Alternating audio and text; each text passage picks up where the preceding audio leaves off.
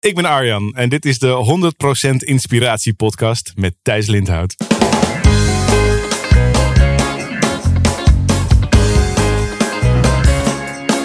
Hey, wat goed dat je luistert. Hij staat weer voor je klaar. Je wekelijkse dosis inspiratie is weer daar. De allerleukste gasten geven al hun kennis prijs. Met je veel te blije host, hij praat je bij. Zijn naam is Thijs. Thijs,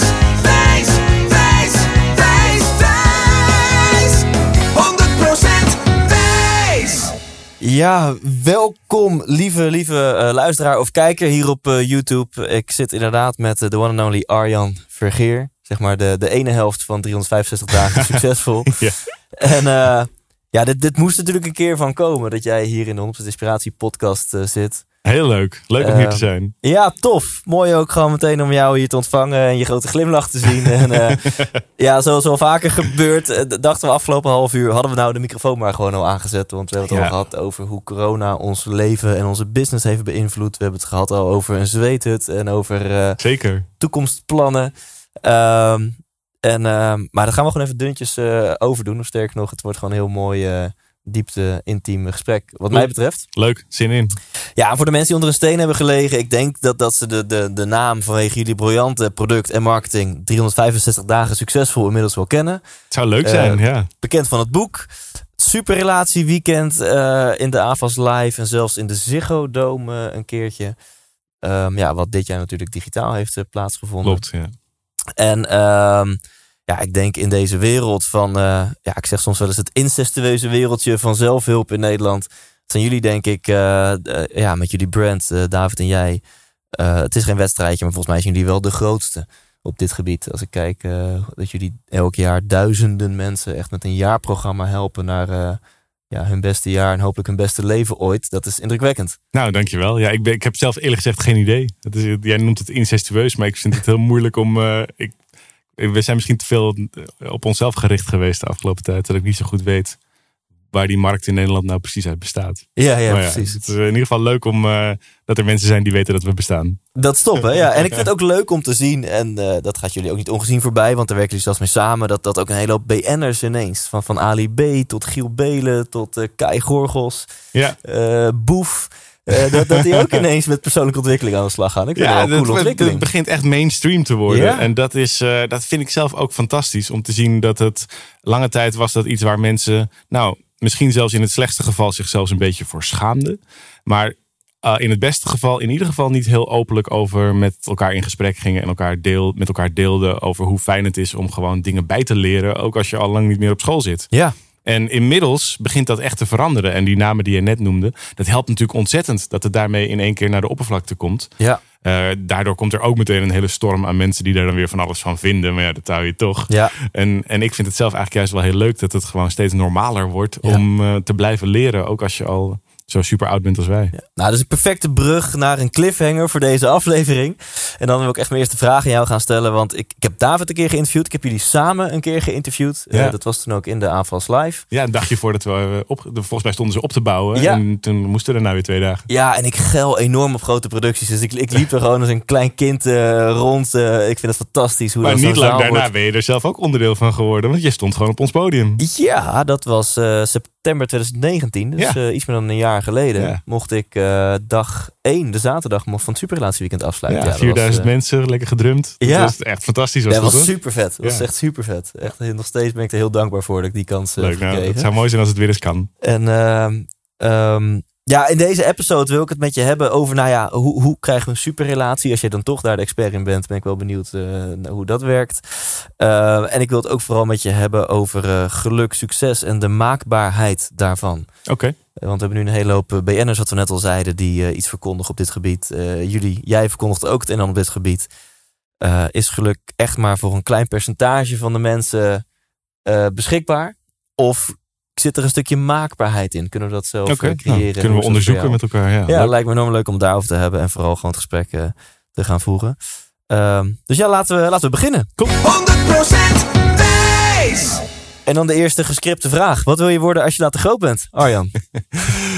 Eh, nou, ik zou heel graag, dat is echt een droom die ik al heel lang heb, nog eens een kinderboek willen schrijven. Dus uh, kinderboekenschrijver is dan Ja. mijn antwoord. En ik denk als ik dat nu een beetje zou, zou specificeren, dan zou dat een, eh, ehm, wel een avonturenboek worden, maar met als insteek ehm, filosofie.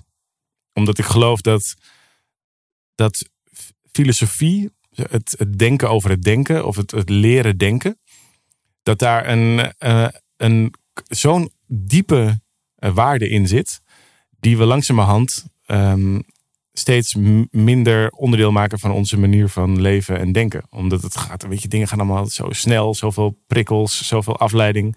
En hoe vaak heb je nou de rust en de ruimte om jezelf gewoon een aantal waardevolle, belangrijke vragen te stellen? Of leer je nog ergens wat voor vragen dat überhaupt zijn? En daardoor krijg je ook steeds meer volgens mij van die ingegraven stelligheid over iedereen die het ontzettend eens is met zijn eigen gelijk. En daar dan ehm, bijna heel polariserend allerlei kampen tegenover elkaar komen te staan. Allemaal maar het hardste roepen. Terwijl wat filosofie je juist leert, is ook een bepaalde vorm van wat ze noemen perspectivistische lenigheid. Dus dat je zeg maar een bepaalde een lenigheid, een, een, een, een, een, een elasticiteit vindt in het perspectief. Dus dat je gewoon leert om vanuit andere hoeken ergens naar te kijken en je eigen aannames te bevragen. Nou, en dat is volgens mij zoiets. Ik probeer mezelf daar nu ehm, in te onderwijzen. Op allerlei manieren. En ik merk dat het mijn leven heel veel rijker maakt. En dat ik denk van, nou, dit zou toch geweldig zijn als je ehm, als avonturenboek of zo ook leert. Als je, ik lees, lees mijn kinderen nu veel voor uit, uit natuurlijk eh, de, van de Gebroeders Leeuwenhart tot de GVR, tot alle klassieke kinderboeken. Ik denk, als je zoiets kunt maken en daar dan ook nog iets leert over het soort vragen wat je jezelf kunt stellen in je leven.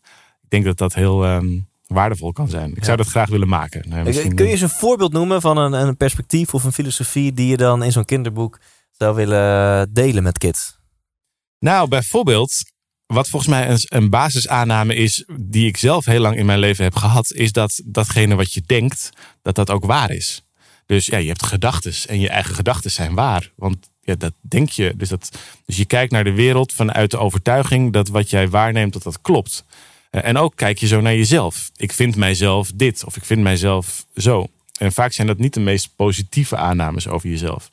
Veel mensen hebben zo'n innerlijke dialoog met zichzelf die helemaal niet heel ehm, opbeurend is. Dan eh, moet je mij weer zien of doe ik dat weer of ben ik ook een sukkel of ja dat lukt mij toch nooit of ik, ik kan dat niet of dat is niet voor mij weggelegd of allemaal van dat soort best wel ingesleten gedachten waar je ook de hele tijd bewijs voor verzamelt. Want de, keer op keer vind je jezelf terug in situaties waarin blijkt dat die gedachten ook kloppen.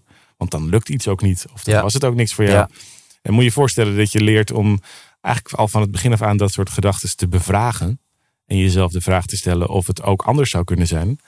Dat zet in ieder geval een kiertje open in je hoofd dat, dat je het ook mis kunt hebben. En dat misschien wel een andere gedachte ook waar is. Ja. En dat zou ik graag. eh, eh, ik zou die manier van denken graag. Nou ja, als we het toch over mainstream maken hebben. Ik hoop dat Ali en Boef en al die andere jongens die dit allemaal nu aan het doen zijn. En wij ook. Dat die ook hier ruimte voor gaan maken.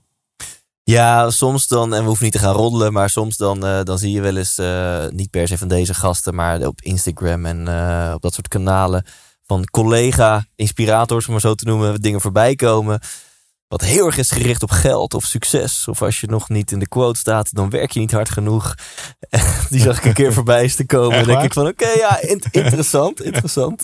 Jeetje. Ehm, eh, dus laten we hopen dat er wat meer diepgang eh, ook. wordt Nou, ik wil dat helemaal. Kijk, iedereen zijn eigen route en ieder Ja. mens is anders. Dus dat is ook helemaal. Dat, ik, ik, vind het, ik vind het ook helemaal oké. Want ik geloof ook heel erg dat het verdienen van geld ook een hele fijne manier is om bijvoorbeeld je eigen eh, talent te vermenigvuldigen. Of om het over het voetlicht te brengen. Of om, eh, om mooie dingen mee te kunnen doen. Dus het is helemaal niet zo dat ik daar per se tegen ben. Ik geloof alleen wel dat dat uiteindelijk niet het antwoord is op wat mensen vaak zoeken in zichzelf. Namelijk veel meer ehm, verbinding met wie ze zelf zijn of met wat de wereld is. Eh, maar ook veel meer gevoel van thuiskomen. eh, veel meer ehm, eh, gevoel van ehm, betekenis en, en bepaalde, hoe noem je zoiets? Overgave daarin. En dat vind je eerlijk gezegd denk ik niet in dat hele harde, hele harde money pompen. Nee.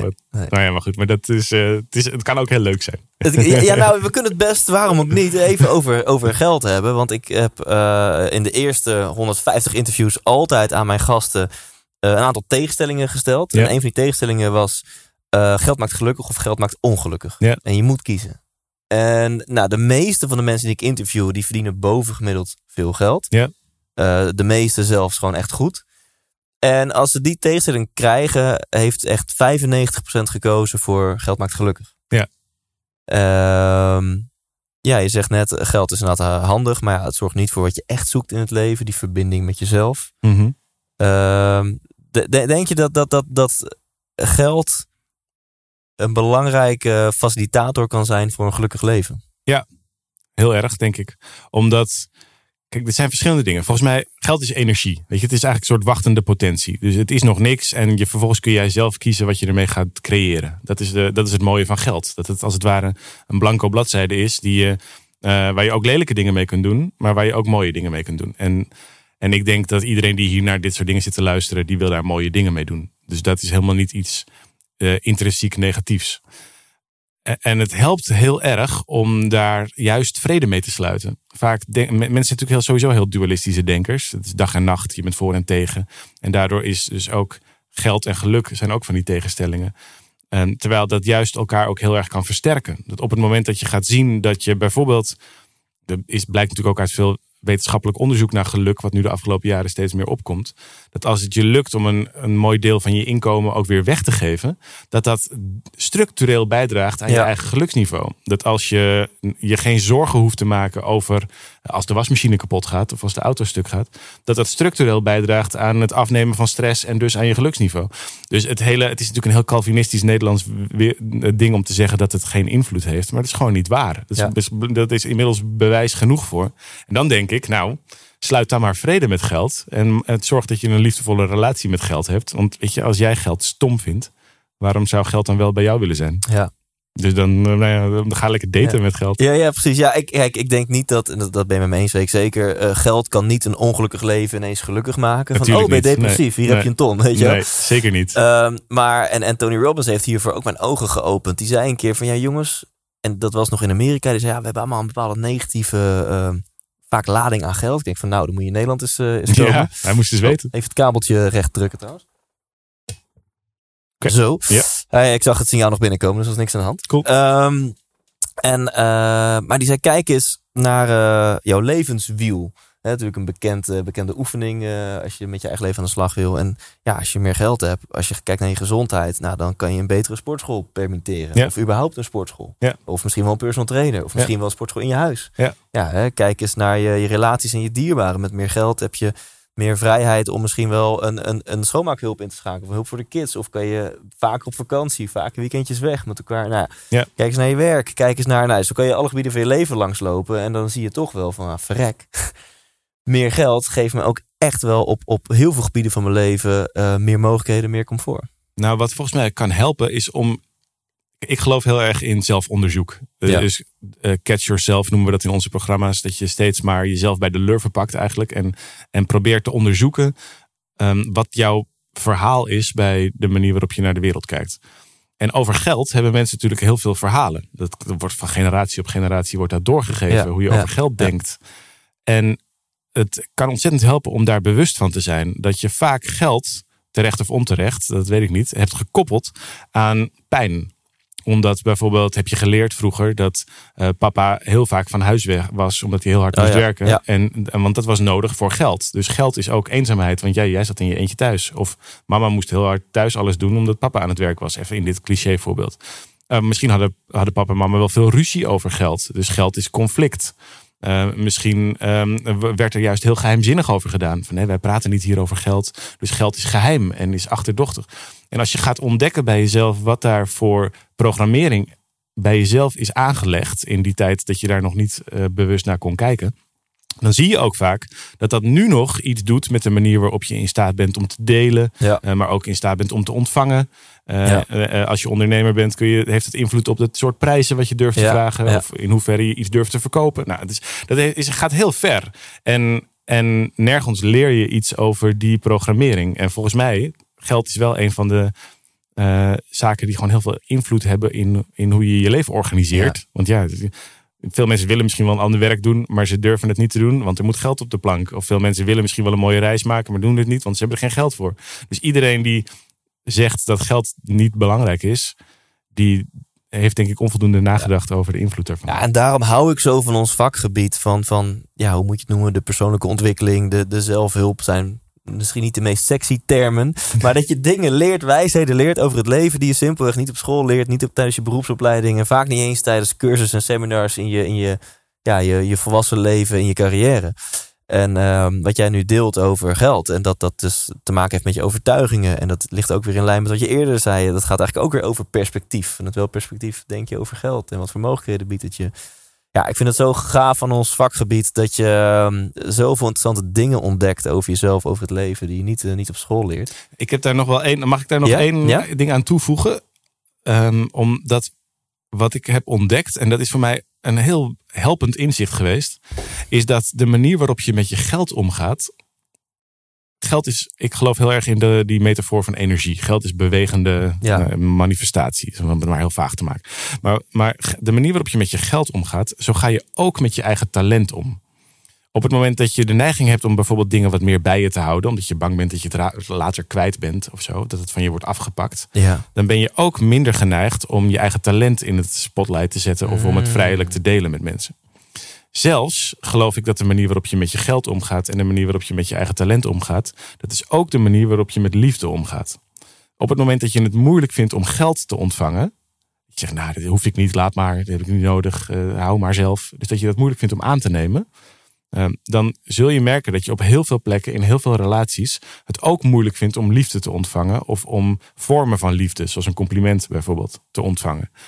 Terwijl als je daar bijvoorbeeld heel goed in bent, of je bent heel goed in het doorgeven ervan, je kunt heel vrijelijk jouw geld laten stromen, heel makkelijk uitgeven, dan ben je waarschijnlijk ook beter in het, ehm, het uitgeven, het delen van je eigen talent, je eigen kracht, maar ook beter in het delen van je eigen liefde. Want dan ben je niet bang om tegen iemand te zeggen: Ik hou van je, omdat je niet denkt dat je er zelf kleiner van wordt, of dat je daar voorzichtig mee moet zijn, of dat je misschien wordt afgewezen. Net als dat je dat ook niet hebt als je iemand een overdreven fooi geeft, of misschien een keer extra wat geeft in een collectebus. Of, omdat, je, omdat dat geven is onderdeel van je persoonlijkheidsstructuur. En als je naar die bewegingen kijkt, hoe goed kun je iets ontvangen in je leven? Hoe goed kun je er vervolgens mee zijn? Dus hoe goed kun je eigenaar zijn? Sommige mensen kunnen wel iets goed ontvangen, maar dan moet het ook meteen weer weg. Ja. Want het is heel moeilijk om geld op je rekening te hebben, bijvoorbeeld. Of om gewoon een compliment aan te nemen en er dan even mee te zijn. In plaats van meteen terug te zeggen, ah, het was maar een tientje bij de H&M. Of meteen terug te zeggen, ja, maar jij ook. Jij ziet er ook goed Ja. uit. Dan kun je er heel moeilijk mee zijn. En dus check maar eens bij jezelf. Hoe goed kun je het ontvangen? Hoe goed kun je ermee zijn? En hoe goed kun je het vervolgens doorgeven? En als je die stroom van overvloed, die drie stappen gaat herkennen, dan zie je dat, je dat er bij veel mensen, natuurlijk generaliserend, uiteraard eh, als je dit hoort, kies je voor jezelf hoe het bij jou zit, maar dat je goed kunt onderscheiden, ik doe dit eigenlijk op dezelfde manier. Ik kan op dezelfde manier ontvangen, ermee zijn en doorgeven. Zowel met geld als met mijn eigen kracht en talent, als met liefde. En als je dat gaat zien, dan zit vaak. ehm, v- veel mensen die koppelen dat, dat geld ze eenzaam maakt. Maar dat komt omdat ze in werkelijkheid nooit geleerd hebben om liefde te ontvangen of om door te geven. En dat zien ze ook bij geld. En daardoor denken ze dat het door het geld komt. Maar het komt door die structuur die eronder zit, van de manier waarop je in staat bent om dat soort energie toe te laten, ermee te zijn en weer door te geven. En als je dat cirkeltje gaat zien, dan kun je dus en veel beter verbinden met andere mensen. Ook veel beter je eigen talent leven en dus veel meer flow ervaren, veel meer mooie dingen maken. En dus ook makkelijker geld verdienen en ontvangen en weer doorgeven. En ik geloof heel erg in die structuur. Dat helpt mij in ieder geval. Ja, dus de, de, de laag die eronder zit, is in hoeverre ben je in staat om nou, energie te ontvangen, bij je te houden en ook weer te delen. Ja. En dat kan zich uiten in geld, kan zich uiten in liefde, kan zich uiten in talent en Ja. je kracht. Ja. Herken je, als ik dat zo zeg, herken je dat? Of zeg je van nee, dat slaat echt nergens op? Dat staat helemaal. Nee, ik eh, herken het eh, zeker. En ehm, ik zit dan bij mezelf kijken naar, naar welke mindset ik heb op deze, op deze gebieden voor die onderlaag bij mij zit. Ehm, en ik denk, nou, ik vertelde net al iets eh, in de voorbespreking aan jou, dat ik de laatste tijd meer mezelf open. En, Ja. en, en, en, en merk ik ook wel. eh, nou, ik, ik leg nu te plekke de link. Sinds ik mezelf meer open, is er sowieso meer liefde in mijn leven gekomen. Ja. Echt eh, through the roof. Ehm, maar ook op, op financieel gebied zijn er eh, interessante dingen op, me, op mijn pad gekomen. Ja. En, Eh, maar dat is dus omdat het een cirkel is. Want jij begint ermee Ja. met, met meer te delen. Dus eigenlijk weggeven, zou je kunnen zeggen. Van je, je deelt jezelf. Dus Ja. jij bent meer open. Dus je deelt een stuk van jezelf. Ehm, en de consequentie van meer delen is vervolgens weer. Dan kom je weer bij die. Het is echt zo'n ja, zo'n wiel, zei je net ook al volgens mij. Ja. En, eh, waarbij je ook weer meer gaat ontvangen. Dus er, om- er ontstaat namelijk ruimte in jezelf. Omdat je jezelf hebt doorgegeven. Ontstaat er ruimte om, de, om ook weer te ontvangen. Ja. En dat, nou, ja, jij merkt dat nu blijkbaar aan financiële opportunities. Maar ook aan, aan de liefdeskant. Dus dat is toch prachtig om te zien dat je daar. Het maakt eigenlijk niet uit op welke van die gebieden je moeilijk vindt. We beginnen gewoon met één. ja, en ze openen zich vanzelf. Ja. Nou ja, en om het dan praktisch af te ronden, ik vind het altijd heerlijk om dingen en spiritueel. Ja, want dit ja. zou je spiritueel kunnen noemen. Het gaat echt naar je overtuigingen en naar iets meer de diepte. Maar je kan dingen ook altijd praktisch benaderen. En in dit specifieke voorbeeld leen ik, denk ik, een stukje inspiratie van Ilko de Boer. Ja, als je geldproblemen hebt, zeg maar, hè, dan kun je eh, heel erg spiritueel zijn. Van hé, hey, maar eh, durf ik op onbewust niveau niet meer te verdienen dan mijn ouders? Of waar komt die overtuiging vandaan? Maar ja, je, moet, je hebt ook gewoon geld shit. Je moet gewoon aan de bak nu. Ja. Weet je, wel. je moet nu gaan budgetteren en gaan kijken wat komt er binnen, wat gaat eruit. Ja. Dat is de korte termijn oplossing. Maar ja, op de lange termijn moet je wel degelijk kijken naar dat, die onder, diepere Ze laag. kunnen niet Anders zonder elkaar. blijft je probleem telkens terugkomen. Ze kunnen niet zonder elkaar. Dus het is Ja. eigenlijk, ik maak Ja. ook dat onderscheid. Hoor. Je hebt een soort money mindset. Maar zo noem ik dat dan. Ik hou altijd van dit soort eh, simpele. ma- Je hebt een money mindset en een money machinerie. Of een money machine. Ja. En die machinerie gaat over ja, inderdaad de praktische invulling. Ben ik helemaal met Elko eens. Eh, dat je moet gewoon je shit op orde hebben. Dingen regelen. Blauwe enveloppen openmaken. Je planningen maken. Dat moet je doen. Maar als je alleen maar dat doet zonder stil te staan bij jouw diepere verhaal daarover. Dan, ehm, dan zit, je, zit je jezelf elke keer weer opnieuw in de penarie te werken. Ja. Dus allebei. En wat er dan op spiritueel niveau ook is veranderd bij mij op het gebied van geld. eh, op praktisch niveau merk ik bij mezelf wel, en dat is voor iedereen dus anders, dus vul het vooral voor jezelf in. Maar merk ik echt hoe groot de impact is van mijn beleving van de financiële vrijheid die ik heb. Ja. En hoe eigenlijk hoe gelukkig ik ben zelfs. Ik heb een aantal jaar geleden door wat interessante gebeurtenissen in mijn zakenleven best wel eh, een periode van misschien wel twee jaar gehad. ehm, dat ik, dat ik eh, ja, wat financiële stress had. Mhm. En dat deed heel veel met me. En ik heb nu eh, ervaar ik meer financiële vrijheid dan ooit. En ik vind het, oh, daar word ik zo ontspannen van. Ik had helemaal niet gedacht toen ik hier naartoe reed vanochtend dat dit gesprek zo over geld zou gaan. Maar het is wel grappig hoe dat zich ontwikkelt. Want Ja. er is zoveel over te delen. En zo, wat ik bijvoorbeeld laatst ehm, ontdekte, is dat er een belangrijk onderscheid bestaat tussen enerzijds geldproblemen en anderzijds geldzorgen. En geldproblemen die Ja. bestaan heel erg in de echte wereld. Dat is, dat is gewoon, je, je kunt gewoon je rekeningen niet betalen. Dan heb je daadwerkelijk een probleem. En dan gaat ook dat ding wat Ilko zegt, ehm, zorg dat je je shit op orde hebt, gaat dan 100% op. Dat heb je gewoon te regelen. Die problemen moeten, dan moet je naar Nibud, dan moet je afspraken maken, dan moet je zorgen dat je meer gaat verdienen, moet je, moet je fixen. Daarnaast bestaat er zoiets als geldzorgen. En geldzorgen, daarvan blijkt ook, eh, ik hou heel erg van onderzoek, daar, daar is ook veel op onderzocht, maakt gewoon werkelijk waar niet uit hoeveel geld je verdient. Er zijn heel veel multimiljonairs met geldzorgen. Ja. Omdat ze ehm, ehm, bang zijn om het een en ander te verliezen. Of Ja. omdat ze zoveel vermogen hebben waar ze voor moeten zorgen. Dat kun je je misschien moeilijk voorstellen als je niet zo rijk bent. Dat je denkt, waar maken ze zich zorgen over? Maar er blijkt dus op het stressniveau, eh, als het over geld gaat, geen verschil te zijn. Nou, en dan weet je, dan heeft het gewoon geen zin om met die Ja. praktische dingen aan de slag te gaan. ja, Dan moet je gewoon met je hoofd aan, moet je met jezelf aan het werk. En dat is, nou ja, gelukkig kan het allebei. Nou, ik, ik wil één voorbeeld noemen, zodat ik in mijn boek en daarna, want we gaan het echt niet nog een uur over Nee. geld hebben, leg ik de link naar, eh, naar iets persoonlijkers. Eh, maar ik zat een tijdje geleden, en dit staat dus ook in, in, mijn boek, eh, met wat vrienden. eh het waren alle twee ondernemers, zaten we te lunchen, toen het nog kon. Ik kan wel janken. Ehm, maar eh, dan moet je nu een hotelkamer verboeken als je wil lunchen. Het mag vast bijna weer. Ja, ja.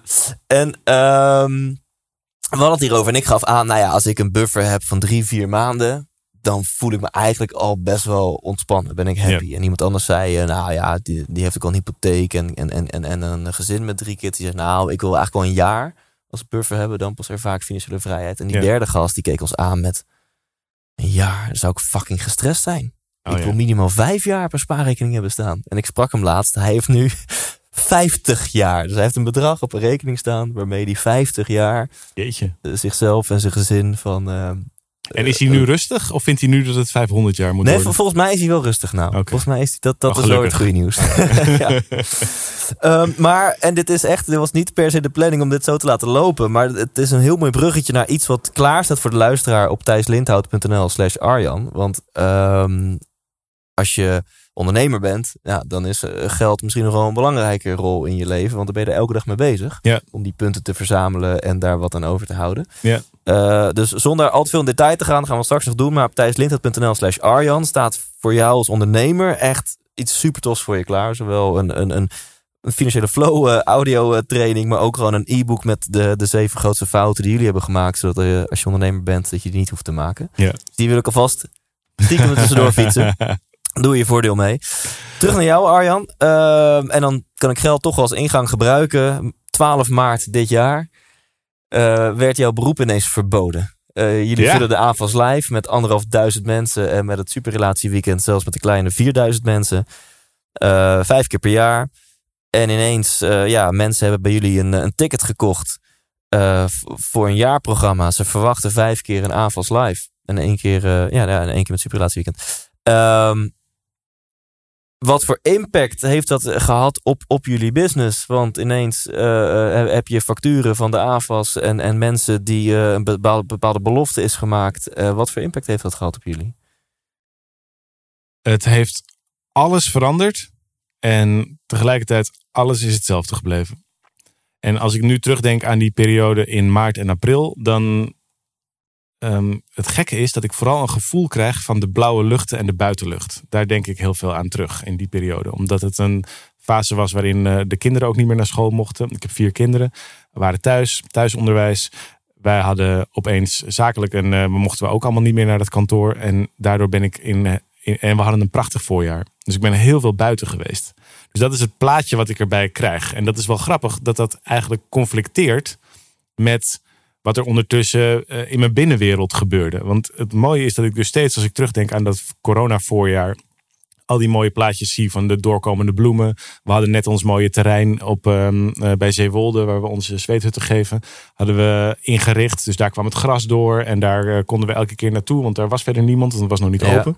Dus het was een prachtig gebied in de natuur, helemaal secluded. waar we met de kinderen heen konden vuurtjes maken en, en, en bomen planten en zo. Fantastisch.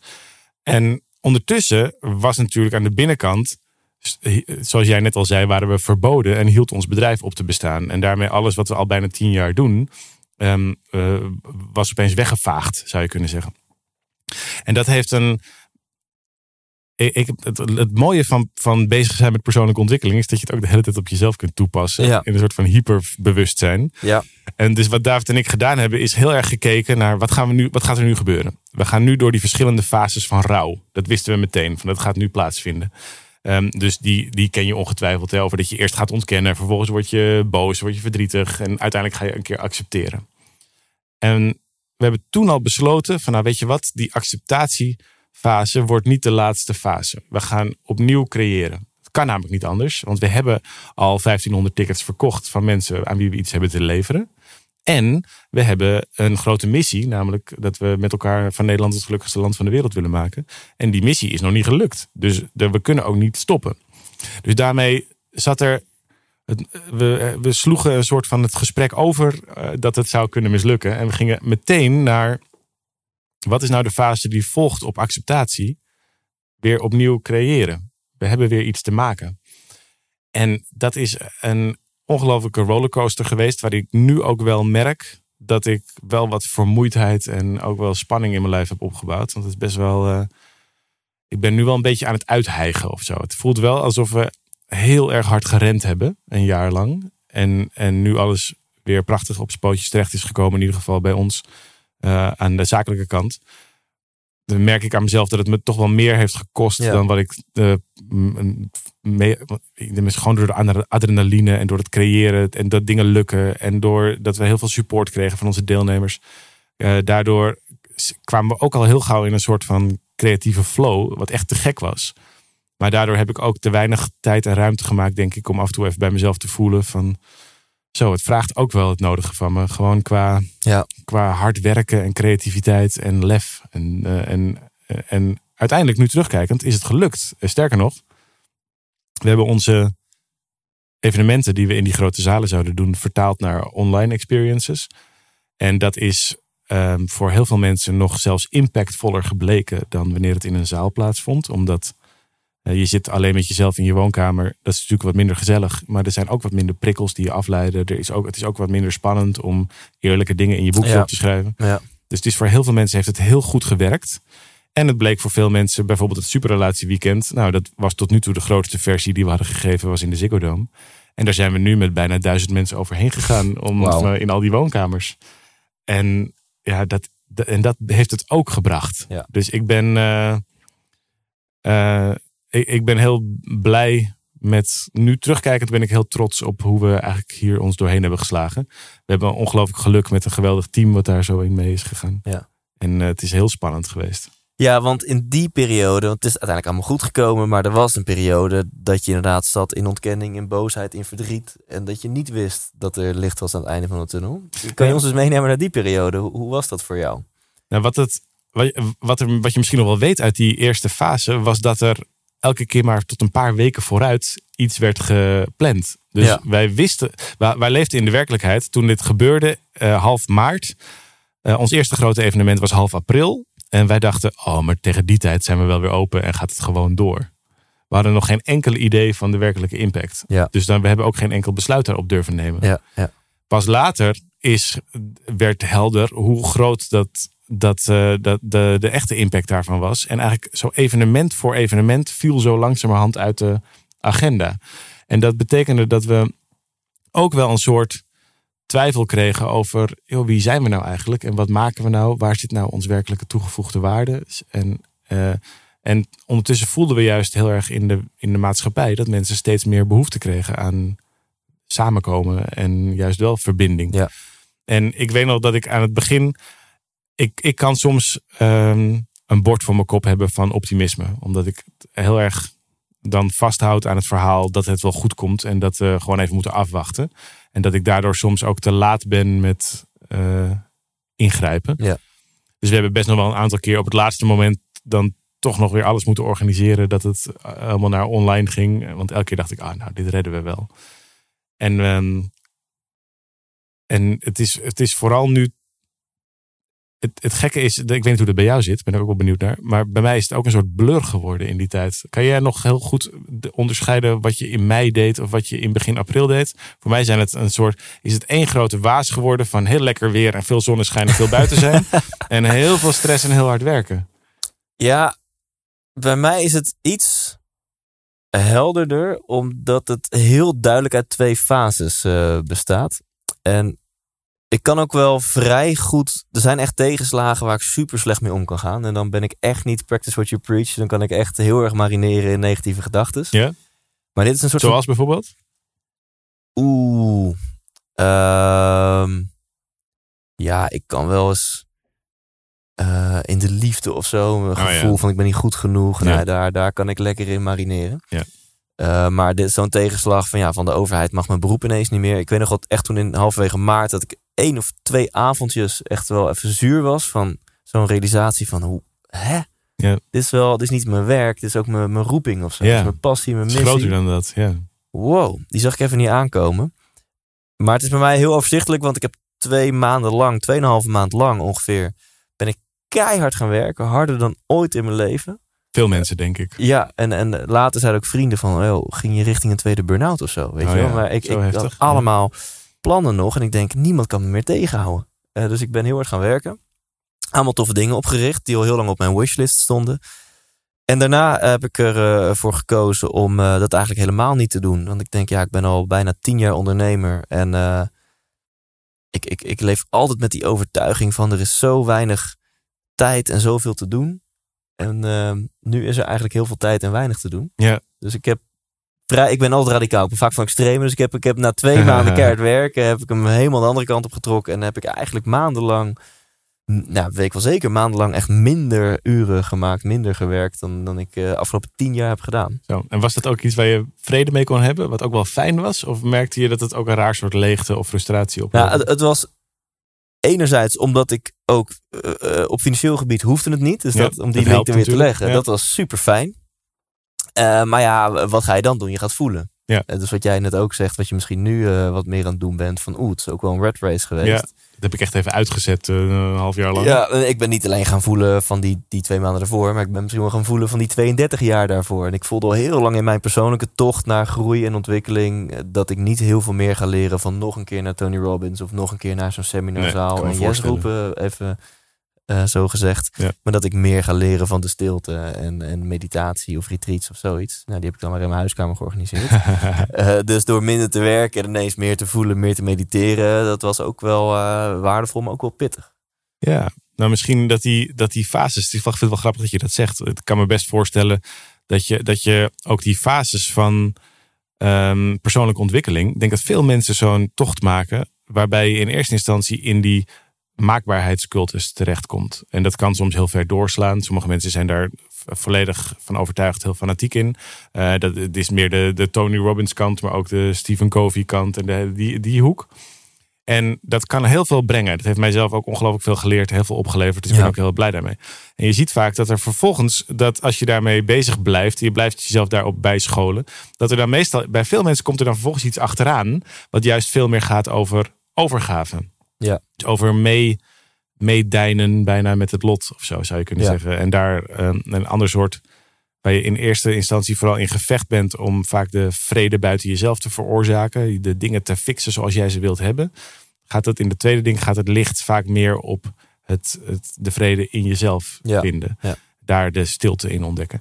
En het is helemaal niet zo dat het ene beter is dan het ander. Of dat het een niet zonder het ander kan. Dus ik denk dat het heel juist mooi is. Maar wij, ik herken het zo, omdat wij zo'nzelfde soort tocht eigenlijk aan het maken zijn geweest. In die eerste, het eerste boek wat we schreven ging over die 13 stappen. Dat is nog steeds een belangrijk onderdeel van onze methodiek. Zo, en als je dit doet, bereik je alles wat je maar wil. Ja. En vervolgens hebben we echt geleerd om daaraan toe te voegen hoe je juist bent met alles wat er al is. Ook in jezelf.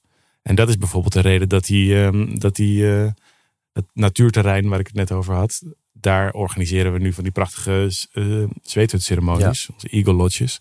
En dat is, dat is nou echt, het gaat eigenlijk alleen maar hierover. Over hoe buig je nou voor het grotere? Hoe ehm, zorg je er nou voor dat je, eh, dat je niet constant in gevecht bent met alles wat je niet kunt veranderen, maar dat je Ja. ook daarin de stilte vindt. En het is vooral in eerste instantie ontstaan vanuit David's passie. Dat is echt verslaafde, zoals je misschien weet. Um, en ik had daar helemaal niet zoveel mee. En ik ben nog steeds niet de nummer één fan van de zweethut. Maar ik ben wel een enorme fan van die, die, die stilte en die leegte. Die er zo in zo'n ceremonie kan ontstaan. Want dan kun je Ja. eindelijk eens een keer ook naar jezelf luisteren. Nou, en dat is echt. eh, dat, dat, dat, dat is zo, zo krachtig. Daar, daar, het is, dat is iets wat ik eh, iedereen eigenlijk wel gun. Ja, is er. Want je, je bent het glunderen. I- Is er wel eens tijdens zo'n ceremonie, tijdens zo'n stilte, een heel mooi eh, inzicht bij jou naar boven gekomen? Of een realisatie waar je nu aan terugdenkt? Nou, wat, wat voor mij een belangrijk inzicht van de laatste tijd is, is dat alles er al is. Heel veel. ehm, mijn natuurlijke neiging is om te creëren. En ik hou van dingen maken. eh, van, eh, ben altijd aan het pielen, schetsjes aan het maken, eh businessmodelletjes aan het ontwerpen of tekeningetjes aan het maken. Of een, eh, nou, en, en het is ook waar ons vakgebied lange tijd uit bestaan heeft. Hè. We gingen van show naar boek, naar. Het was constant creëren. Ja. En dat was ook een bepaalde vorm van eh, betekenis vinden. En ook een bepaalde vorm van iets achterlaten of iets bijdragen. En steeds meer merk ik. En op een gegeven moment kan zoiets ook een burden worden. Weet je dat als je niet in hetzelfde. Ik weet niet hoe, die- hoe jij dat herkent. Maar, maar als je maar constant weer dat vorige ding moet overtoepen. Of zo, Ja. En weer iets maken wat nog weer Ja. krachtiger is. Dat is, dat is helemaal niet vol te houden. In ieder geval niet door mij. Ja. Eh, ik ben geen eh, Beyoncé. Moest, als ik voor het geval ik dat nog moest uitleggen. dat, ik, dat, dat is gewoon elke keer weer mooier en beter. Dat, dat, dat, dat, en toen dacht ik, waarom ben ik dat nou zo hard aan het proberen te doen? Misschien ook wel om daar een bepaalde zelferkenning of zo in te vinden bij mezelf. Van, nou, kijk eens hoe dat, hoe dat lukt. En toen dacht ik, wat heb ik daar dan, waar- waarom zou ik dat dan weer doen? En dat is natuurlijk vaak omdat je uiteindelijk op zoek bent naar liefde of om, om er, er gewoon te mogen zijn. Ja. En toen dacht ik, ja, maar wacht nou eens even. Ja, En dat heb ik echt geleerd in die stilte van de, ehm, ook van bijvoorbeeld van op, op ons ecolodges terrein.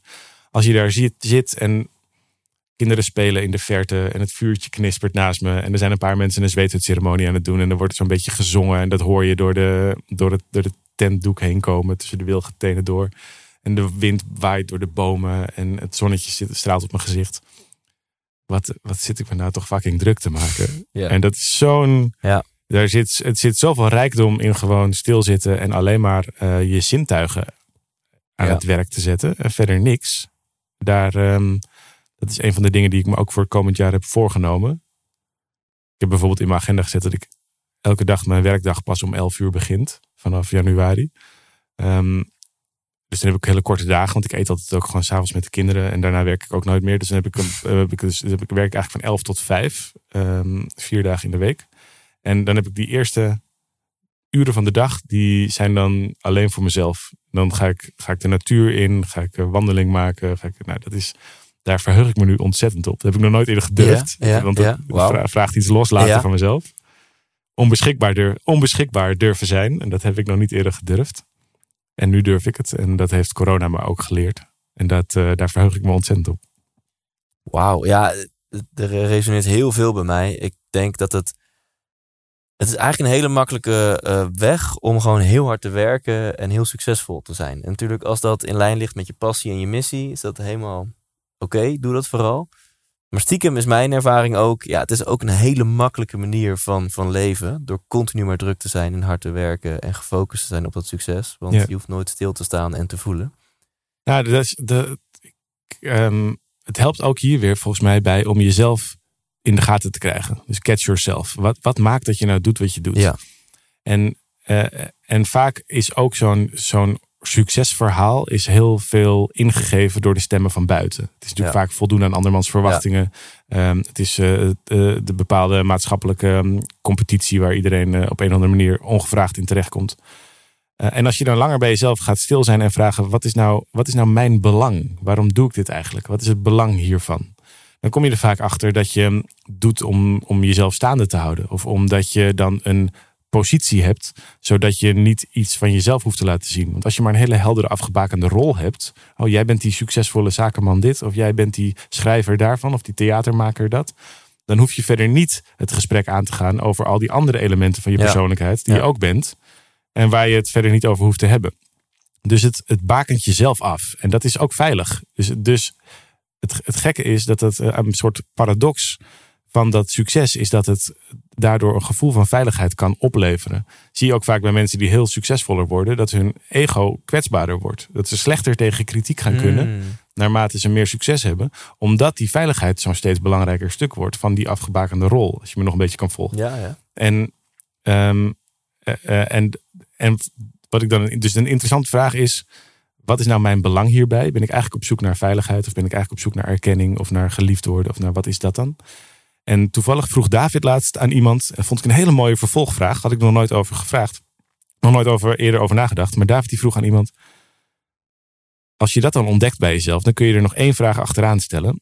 Waar ben je eigenlijk verdrietig voor? Wat, waar ben je stiekem of waar ben je misschien in essentie verdrietig om? Want dat verdriet wat, in jezelf, wat je in jezelf draagt, dat kan een verklaring zijn waarom dat zo van belang is. Dat je hecht aan al die dingen die je, waar je aan je wil hechten. En die vervolgens weer zorgen dat je dat invult met die jacht op eh, succes, geld of eh, status of eh, seks of wat dan ook. En als je dat. dus elke keer zit er weer een andere vraag achter. En David kennende komt die later nog wel weer met nog weer een nieuwe vraag. Waar dan, maar nu, zit ik, nu ben ik in de fase dat ik zit na te denken over dat verdriet. Want stel nou dat het waar is. Hè, dat dat succes, die neiging naar succes eigenlijk wordt ingegeven door een neiging naar er gewoon mogen zijn. Waar, en vervolgens daaronder zit dan misschien weer een dieper verdriet. Wat veroorzaakt dat ik zo de neiging heb om daar dan wil, te willen zijn. Wat veroorzaakt dat verdriet? Ja. Of wat is dat voor soort verdriet? En dat is een hele nieuwe vraag, ook voor mij. Dus ik heb daar helemaal nu op dit moment helemaal geen antwoord op. Ik zit daar echt midden in, die, eh, in dat proces om daarover na te denken. Van stel nou dat daar onder een dieper verdriet zit. Zou dat waar kunnen zijn? Ja. Of wat zou dat dan zijn? En ik hou dus van dit soort vragen. Je, ja, je kunt daar heel therapeutisch en moeilijk over doen. Maar Ja. ik vind het geweldig om daarover na te denken. Elke keer weer nieuwe stukjes te ontdekken. Ja, Dus dat, eh, want wat zeg je indirect? Uh, want je zei het een beetje in derde persoon, maar dat ook bij jou een groot gedeelte van je motivatie om zeg maar, hard te werken en succes te bereiken, zat hem wel in een stukje: ik wil belangrijk zijn, ik wil erkenning, ik wil liefde. Ja, dat is, dat, is, dat is echt het onderzoek wat ik nu aan het doen ben. Want ik denk dat dat, ik denk dat, dat klopt. En ik ben nog met mezelf aan het rijmen hoe dat dan zit. Omdat ik kom uit een heel harmonieus, liefdevol gezin. Ik heb altijd heel veel liefde ontvangen in mijn leven. Um, dus het is, ik ben daarin niet iets te kort gekomen. Um, dus ik kan het zeg maar niet nou ja, cliché therapeutisch verklaren. Als amateurcoach zou ik dan toch die vraag willen stellen. Ja, is dat zo? Hè? Het feit dat je lief voor maar is, is dat zo? Vertel jezelf dat. Het kan zijn dat je de liefste ouders op de aarde hebt gehad, maar dat je toch iets hebt gemist. Ja, nou dat is nu, dat is, vind ik een ontzettend interessante zoektocht. En dan komt ook die, die perspectivistische lenigheid van de filosofen, komt dan weer mooi om de hoek. Want dat, dat, dit is nou precies zo'n zo'n uitnodiging om dan te kijken: oké, stel nou dat een ander verhaal waar is. Dat ik daar dingen in heb gemist of die er niet zijn geweest. Uh, wat is dat dan? En ik ken mezelf, ik verzin altijd eerst drie dingen die niet waar zijn, om vervolgens uit te komen op iets wat wel klopt. En nu zit ik, wat, ik ben over die verdrietvraag aan het nadenken. Wat is dat dan bij mij?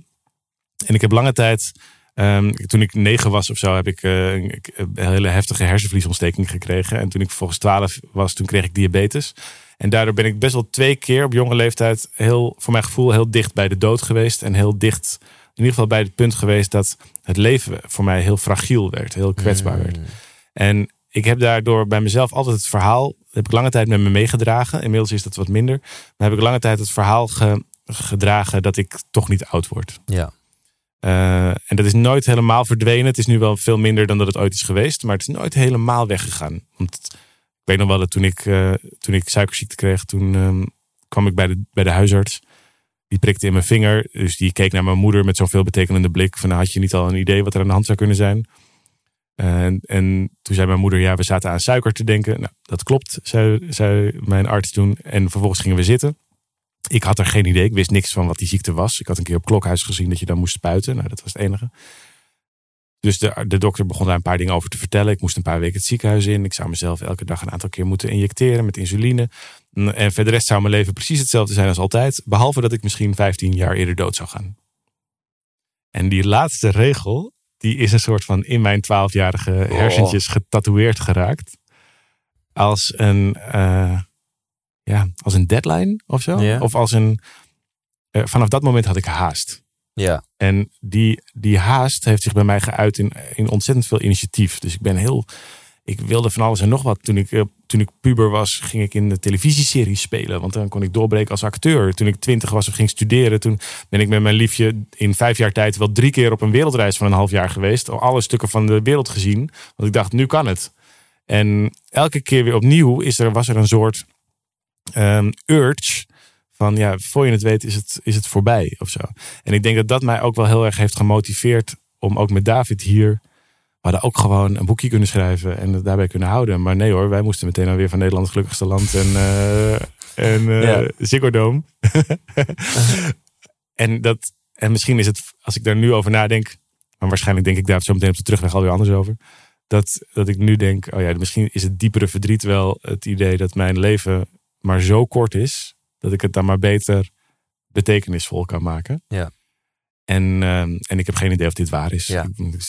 Voor hetzelfde geld leef ik nog 50 jaar. Precies. En dat je misschien geen tijd mag verspillen. Ja, inderdaad. Maar dan is natuurlijk een vervolgvraag. Ja, maar wat is tijd verspillen? Wat is een nuttige tijdbesteding? Klopt. Is dat inderdaad uh, in een, naast een zweet in de natuur zitten niks doen? Of is dat achter je laptop als een bezetene marketingplan type? Ja, en volgens mij zijn dit dus hele belangrijke vragen. Die, die ik mezelf steeds vaker probeer te stellen. En, en, en dat dan probeer niet te doen vanuit uh, verwijt of zelfafwijzing of uh, wat voor therapie dan ook. Het is, er is niks mis met mij. Net zoals dat er, voor zover ik heb kunnen merken, niks mis met jou is of mis met iedereen. Maar het is juist interessant. Het biedt gewoon, het, er, het is gewoon heel, uh, het is echt leuk om jezelf op andere manieren te leren kennen. En, daar, en daarom zou ik het zo fijn vinden als daar waar we dit gesprek mee begonnen, dat dat taboe daar wat meer van afgaat. En we met elkaar gewoon leren om vaker het gesprek te voeren over waarom we de keuzes maken die we maken. Waar we nou werkelijk behoefte aan hebben. Wat we nou zo missen in ons leven. Want daar gaat het gewoon te weinig over. Dus dat, uh, nou ja, dat is nu de journey waar, ik ook, uh, waar we ook middenin zitten. Ja. ja, ik vind het echt heel mooi en heel tof en moedig dat je dit deelt. En uh, dat was ook wel de, het keerpunt bij mij, zeg maar, waarom ik ineens niet meer hard ging werken. Omdat ik merkte, ja, wacht eens eventjes. Ik werkte toch wel heel hard om een bepaald stukje erkenning, oftewel liefde te krijgen. Oh, maar dat ervaar ik nu eigenlijk, want mijn hart is open en ik ben verliefd aan het worden en het is wederzijds, dus dat is top. Ja, ja. En eh, ja, ik werkte denk ik ook wel heel hard om een stukje afleiding niet te hoeven voelen. Mhm. Ja, ik zit nu juist in een fase waarin ik zoiets heb van kom maar. Ja. Ik wil juist voelen. En dan als die twee motivatiebronnen wegvallen. Nou ja, je, kijk, je, Dan, hebt het, eh, je, ja. hebt, je, je, je overleeft het, heb je gemerkt. Dus zelfs als je dingen voelt, hey, dan ben je er gewoon nog steeds. En dan gaat het gewoon door. En zelfs als je, dus ook als je niet hard werkt, hey, dan komt die liefde opeens op je pad. Dus, dus ergens ga je ontdekken dat je minder, ja, ik weet niet wat jouw woorden daarbij zijn, maar dat je minder hard hoeft te, eh, vanuit kramp hoeft te doen of vanuit Ja. eh, moeten hoeft te doen. Maar Ja. gewoon omdat het, gewoon als je dat een beetje openzet. Ja, dan blijft er een veel puurdere motivatie over. Ja. Natuurlijk nog steeds kan ik eh, opgewonden raken van een post op Instagram die het goed doet en dat soort dingen. Is ook gewoon leuk, toch? Ja, het is ook gewoon leuk. Ja, ook gewoon lachen. ja, natuurlijk. Ja, dus eh, laat ik ook niet zeggen alsof ik ineens verlicht ben of zo. Maar de, de, de, de motivatie eh, die, die wordt een stuk puurder. Van, hey, als ik het niet meer doe vanuit, in mijn ogen, de, de niet meest eh, juiste en duurzame motivatiebronnen. Zoals ik wil erkenning, ik wil aandacht, ik wil afleiding.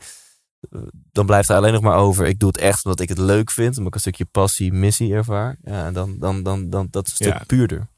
Nou, en het gaat misschien nog wel een stap verder ook. Omdat ik, ja, ik kan, ik kan niet als je, ik zou hier eh, nog wel dagen over kunnen Ja. kletsen Ja, met je. maar- Maar, de, maar bij, eh, bij Maslow, ja, die klassieke piramide, zit natuurlijk bovenaan die zelfontplooiing. Eh, als alles is gere- geregeld, ga je bezig met die zelfontplooiing. En dat is dat, wat veel mensen niet weten, is dat ook Maslow al zich bewust was van dat daar nog een niveautje boven zat.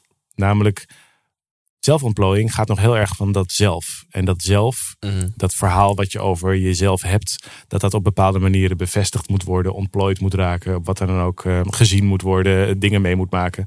Het is nog in zekere zin nog, het is heel erg leuk om daarmee bezig te zijn en het is ook nog heel ego-bevestigend, omdat het heel erg over jezelf gaat. Terwijl wat Maslow ook al door had, en wat we volgens mij de laatste tijd op veel meer plekken aan het zien zijn, wat je ook in die zweetceremonies heel erg ziet gebeuren, is dat je ziet dat, je, dat er misschien iets zoiets als, is als het zelf. Dat is ook nogal inwisselbaar, want wat is dan precies jouzelf? Dat is, daar kun je al een gesprek op zich over voeren. Ja. Maar dat je veel meer dan dat nog onderdeel bent van een groter systeem. En dat we met elkaar ook een collectief zijn. Eh, en dat het juist de, de werkelijk, het werkelijke geluk helemaal niet per se zit in het ontplooien van dat zelf. Want dat kun je je hele leven blijven doen. Kan je ook heel eenzaam maken. Omdat je maar constant in je eigen worsteling weer een diepere laag bij jezelf tegenkomt. Moet je daar weer wat mee. Elke keer ontdek je weer, ga je weer naar een seminar. Moet je daar weer, kom je weer uit met een to-do-lijst waar je eng van wordt. Om, en daar kun je je hele leven mee bezig blijven. Ja. Er zijn genoeg van die cursus junkies die dat doen. Terwijl de werkelijke oplossing zit hem volgens mij een niveautje hoger. Namelijk dat je je overgeeft aan een, een groter geheel waar je met z'n allen in beweegt. En, en dat is natuurlijk ook de natuur en de aarde. Maar het begint is met gewoon de mensen om je heen. En daar een andere vorm van relatie mee te vinden. Die, waarin veel meer rust zit in plaats van competitie. Of waarin veel meer eh, openheid zit in plaats van achterdocht. Of waarin veel meer ehm, sacred space, steeds meer gedeelde ruimte zit. Veilige ruimte zit. In plaats van eh, die relatie waar je constant maar de hele tijd je eigen puin in aan het gooien bent. Omdat je het zelf allemaal ook niet zo heel goed weet. En als je dat gaat zien, dat je met elkaar samen verantwoordelijk bent voor de ruimte die je samen draagt. Dus nu tussen ons zit nu een ruimte. En ik kan nu eh, sarcastische of lelijke dingen zeggen of stomme grapjes maken. En daarmee vervuil ik die ruimte. Maar ik kan ook dat juist eervol doen of respectvol. En daarmee ehm, eh, ver- vergro- vergroot ik de ruimte. Of, of Voelt je de ruimte. voed ik de ruimte. Ja, inderdaad. Ja, zo, dat is een beter woord. En ik denk dat als we dat met elkaar leren, dat daar, dan hoeven we ook veel minder naar allemaal eh succescursussen. Want dan hebben we het wel van heel groot deel gevonden. En voor die luisteraar die nu denkt, ja Arjan, pak lekker je bezem stil en zweef weg. Kun je dit dan wat concreter maken? Hè? Je hebt het over overgave, je hebt het over meer vanuit vertrouwen, minder vanuit angst. Hè? Je relaties voeden in plaats van bevuilen. Kun je, kun je dat nog een stapje concreter maken? Ehm, nou, heel plat gewoon. Bijvoorbeeld over sacred space, eh, wat ik, die term die ik net gebruik. Ehm, veel, wij hadden vaak de neiging om in een meeting te zitten. Ondertussen nog met een laptop open. En als er dan een mailtje binnenkwam, daar even snel naar te kijken. Of dat even daar ook een beetje mee bezig te zijn. Ook een beetje ondertussen nog op Insta op je telefoon. Eh, af en toe ook een grapje te maken. Als iemand wat zei, er even tussendoor met elkaar te, een ge- geintje te maken. En daardoor werd die meeting Terwijl daar om de beurt wel mensen hun tijd in aan het investeren waren. Of hun best op hadden gedaan. Of ergens iets nodig hadden. Een antwoord nodig hadden. Of wat dan ook. Ja. Een besluit. Werd die meeting ondertussen verrommeld en vervuild. Doordat wij daar ook maar een beetje. En iedereen deed dat. Hè? Dus met wij bedoel ik iedereen daar een, een, een, een beetje ook nog andere dingen zaten te doen. En door simpelweg te kiezen. Deze meeting is nu wat we samen doen. Al het andere is weg. Geen telefoons, geen laptops, geen dingen erbij. Want dit is wat we nu doen. We, geven, we maken dit belangrijk daarmee verandert in één keer de hele sfeer van die meeting. En in één keer um, ga je ook niet meer sarcastische grappen maken over elkaar, waarin je elkaar eigenlijk stiekem kleiner maakt om jezelf groter te maken. Maar ben je gewoon eh, luisteren naar de ander en respectvol. En, en het, dat is voor mij we zijn dus nu sinds een aantal jaar dat we dat op die manier doen. Dat heeft ontzettend veel veranderd in de manier waarop we samenwerken. En heel veel dingen blijken daardoor ook gewoon veel sneller te gaan. Omdat je veel vaker makkelijker op één lijn komt en veel minder woorden nodig hebt. Dus dat, nou ja, dat is een heel praktisch voorbeeld over hoe je dat kunt Heerlijk. Ja, top. Je maakt hem heel praktisch meteen. en um, ja, dit, dit, vind ik toch te leuk om, om niet te behandelen. De, de, de valkuil inderdaad van de zelfhulp. Je noemde hem al kort. De, de Napoleon Hills van deze wereld. Dus Think and Grow Rich. En Stephen Covey. Seven Habits of Highly Effective People. Ja, wie noemde je nog meer? Je noemde nog een derde. Tony volgens mij. Ja, nou. Die uh, uh, mensen die dat pad opgaan. Uh, wat is nou, ja, dat is eigenlijk gewoon, Thijs, stel gewoon je vraag. Wat is de valkuil van uh, na het cursus junkie zijn, van, van volle bak in de maakbaar, geloven in de maakbaarheid van jouw leven, van jouw geluk en succes. En dus continu met to-do-lijsten bezig zijn om je leven te upgraden? Jeetje, nou kijk, maar door het zo te vragen, lijkt het alsof ik er ook tegen ben. En dat is niet aan de hand. Eh, dus, eh, dus, ja, misschien minder, eh, minder sexy voor je podcast. Maar ik vind het. Ik, ik geloof ook heel erg in dat het helpt om naar de wereld te kijken als een maakbare plek. In ieder geval is je eigen hoofd vaak maakbaar. Want daar kun je verschillende, verschillende dingen denken. En um, mijn, mijn, mijn, grote inspiratiebron, wat ik om de zoveel tijd weer herlees, is Viktor Frankl, die daar Man's Search for Meaning heeft gelezen. Nou, iedereen die dat boek niet kent, De Zin van het Bestaan heet het in het Nederlands, lees dat boek. Want dat is geschreven door een Joodse psychiater, um, terechtgekomen in de Holocaust. Uh, verschillende kampen meegemaakt. En heeft ergens in zo'n kamp op een dag besloten. En dit is de verkorte, beknopte versie uiteraard. Op zo'n dag besloten. Ze kunnen me mishandelen, ze kunnen me pijn doen, ze kunnen me vernederen, ze kunnen me zelfs doodmaken. Maar ik ben degene in mijn hoofd die bepaalt of ik me laat kwetsen of niet. En dat zijn zij niet, dat ben ik zelf. En daarmee had hij zijn eigen menselijke vrijheid, zijn menselijke waardigheid weer hervonden.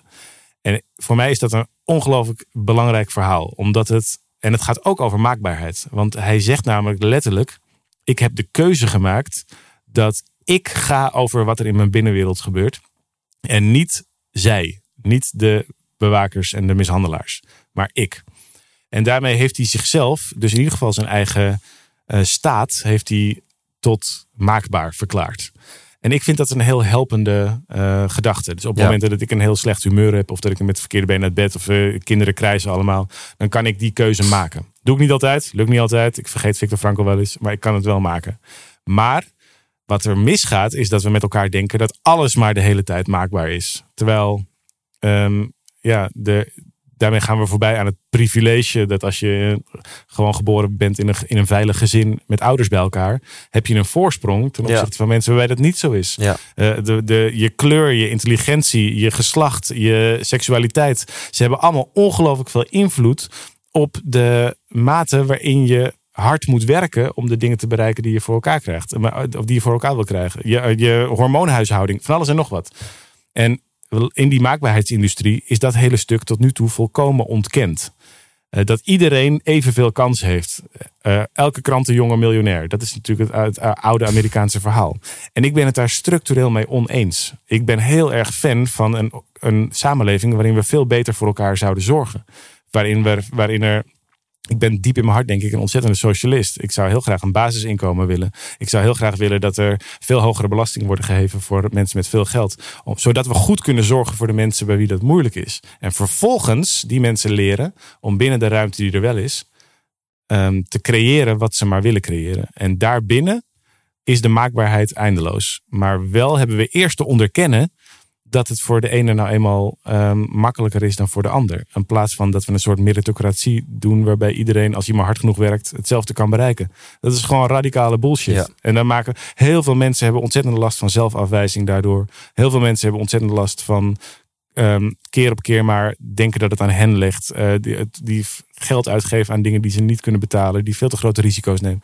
En dat is ongelooflijk stom. Ik ben er echt heel erg tegen. Dus allereerst moeten we misschien naar een andere definitie van maakbaarheid. Van, maakbaarheid houdt niet per se in dat elke krantenjongen miljonair kan worden of eh, profvoetballer. Nee, dat klopt. Je Maar kunt maak- niet alles worden wat je wilt. Nee, maar maakbaarheid houdt, in ieder geval hoor ik dat goed, dat maakbaarheid wat jou betreft wel inhoudt dat je dus regie kunt nemen over de gedachten in je hoofd en de staat van zijn waar je in bent. En bijvoorbeeld, 100%. Oké. Als, als hij dat kon in dat kamp. Ja, wie zijn wij dan om te zeggen dat dat Nou ja, niet, eh, dat vind ik een interessante vraag. Want ja, hij had ook een bepaald genenpakketje. Dus jij bent eh Arjen Vergeer. Eh, je, bent, je hebt nurture and nature. Dus wat misschien aangeboren is, is dat jij gewoon een aanleg hebt voor positief denken. Wat misschien aangeleerd is, is dat jij een onwijze drive hebt vanuit overtuiging. Ik heb misschien niet heel lang. Ja. Eh, nou, je zegt zelf, ik kom uit een warm nest. Ja. Dus met dat pakketje ehm, bereik jij bepaalde dingen. En heb je een bepaald level van geluk en, en succes in je leven. Ja. Andere mensen hebben een ander genenpakketje, hebben andere dingen meegemaakt. Ja, is, is dat echt voor iedereen maakbaar, de, de gedachten in je hoofd en, en eh, ehm, ja, dat, je, dat je ongeacht omstandigheden er iets, iets van kan maken? Ik heb eh, een keer een, ehm, een lang gesprek hierover gehad met Ab Dijksterhuis, die, eh, psychiat, die eh, psycholoog, hoogleraar psychologie aan de Radboud Universiteit. En die heeft ook bijvoorbeeld eh, het slimme onderbewuste gele- ge- geschreven. Die zou je, heb je hem wel eens in je podcast gehad? Oh ja, Ja. to- top. En hij zegt 10% is ehm, omstandigheid. Dus datgene wat je overkomt. 40% is degene die je meekrijgt. En daar kun je dus geluk mee hebben of pech. En 50% is de keuzes die je zelf maakt. En dat is voor mij een, eh, een, een. Ik weet helemaal niet of die verhouding nou klopt. Maar het zegt in ieder geval dat daar voldoende ruimte zit Ja. om met dat laatste stuk te gaan oefenen. En ik zie ook, en we doen natuurlijk inmiddels al tien jaar lang met hele grote zalen, met tienduizenden mensen inmiddels werken aan dat laatste stuk. Ehm, en, en daar dus vrede sluiten met de omstandigheden en daarbinnen je eigen ehm, pad creëren. En ik heb ook bij mensen die daar heel veel weerstand op ervaarden, die ongelooflijk bang waren of boos waren, of die heel erg beschadigd zijn geraakt, heb ik gezien dat ze tot ongelofelijke hoogtes kunnen stijgen. Ook in hun eigen staat van zijn. En dat het ook jaren later, veel van die mensen laten nog steeds dingen van zich horen. We krijgen elke dag nog post en cadeaus en dat soort dingen. Van mensen bij wie dat een ongelooflijke eh, transformatie is geweest in hun leven. Dus ehm, ja, de- het- ik heb te veel bewijs gezien om te denken dat het niet meer eh, dat het niet kan. Ja. Ja. Ma- Mag ik daar een kritische vraag over stellen? Wat nou als die, die 50% keuzes, als die voor 100% beïnvloed wordt door die 10% genen en 40% omgeving? Of andersom, 10% Eh, andersom, omgeving, ja. 40% genen. Ehm, eh, jeetje. Ja, dat is een goede vraag. Dat zou ik het even met App over moeten hebben. Ja. Nee, ik denk dat, dat je, ik denk dat je het kunt leren. Ik denk dat, we, dat het al heel erg zou helpen om geluk te gaan zien als een vaardigheid. En, eh, en het is een vaardigheid die onvoldoende aandacht krijgt. Want je krijgt wel op school biologie, maar geen psychologie. Eh, en dat is een raar soort onderscheid tussen het, het fysieke en het mentale. Ja. Er is wel gym, maar er is geen mind gym. Ja. En dat is een, ook een raar soort onderscheid. En, eh, en ik denk dat het heel belangrijk is dat we stilstaan bij het fysieke stuk. Eh, dat we dat ook niet minder moeten doen. Maar dat we wel wat meer aandacht zouden kunnen, kunnen besteden aan... Klop je eigen gedachten wel? Zijn je overtuigingen over jezelf en de wereld wel waar? Ehm, eh, en, en, en wat meer vrede kunnen sluiten met alles wat we daarin voelen Ja. en ervaren. Ja. Ik denk dat het zou helpen. Ik ben er wel eh, optimistisch over. Ja, en ik snap wat je zegt. Je hebt, je hebt genoeg voorbeelden gezien om te weten dat het kan. Mensen Ja. kunnen hun leven ombuigen van negatief naar positief. Ja, ik durf dat inmiddels met volledige zekerheid te zeggen. Ja, Ja. Jij weet heel veel. Je bent een enorm wijs man. Nou, dankjewel. Eh, dat even tegen mijn liefje zeggen. Dat, ja, nou ja, over je liefje gesproken. Dan, dan heb je ook nog eens een weekend-event en een boek daarover geschreven. De superrelatie. ja. Ehm, het kan niet zo zijn dat je alles altijd doet wat je zegt.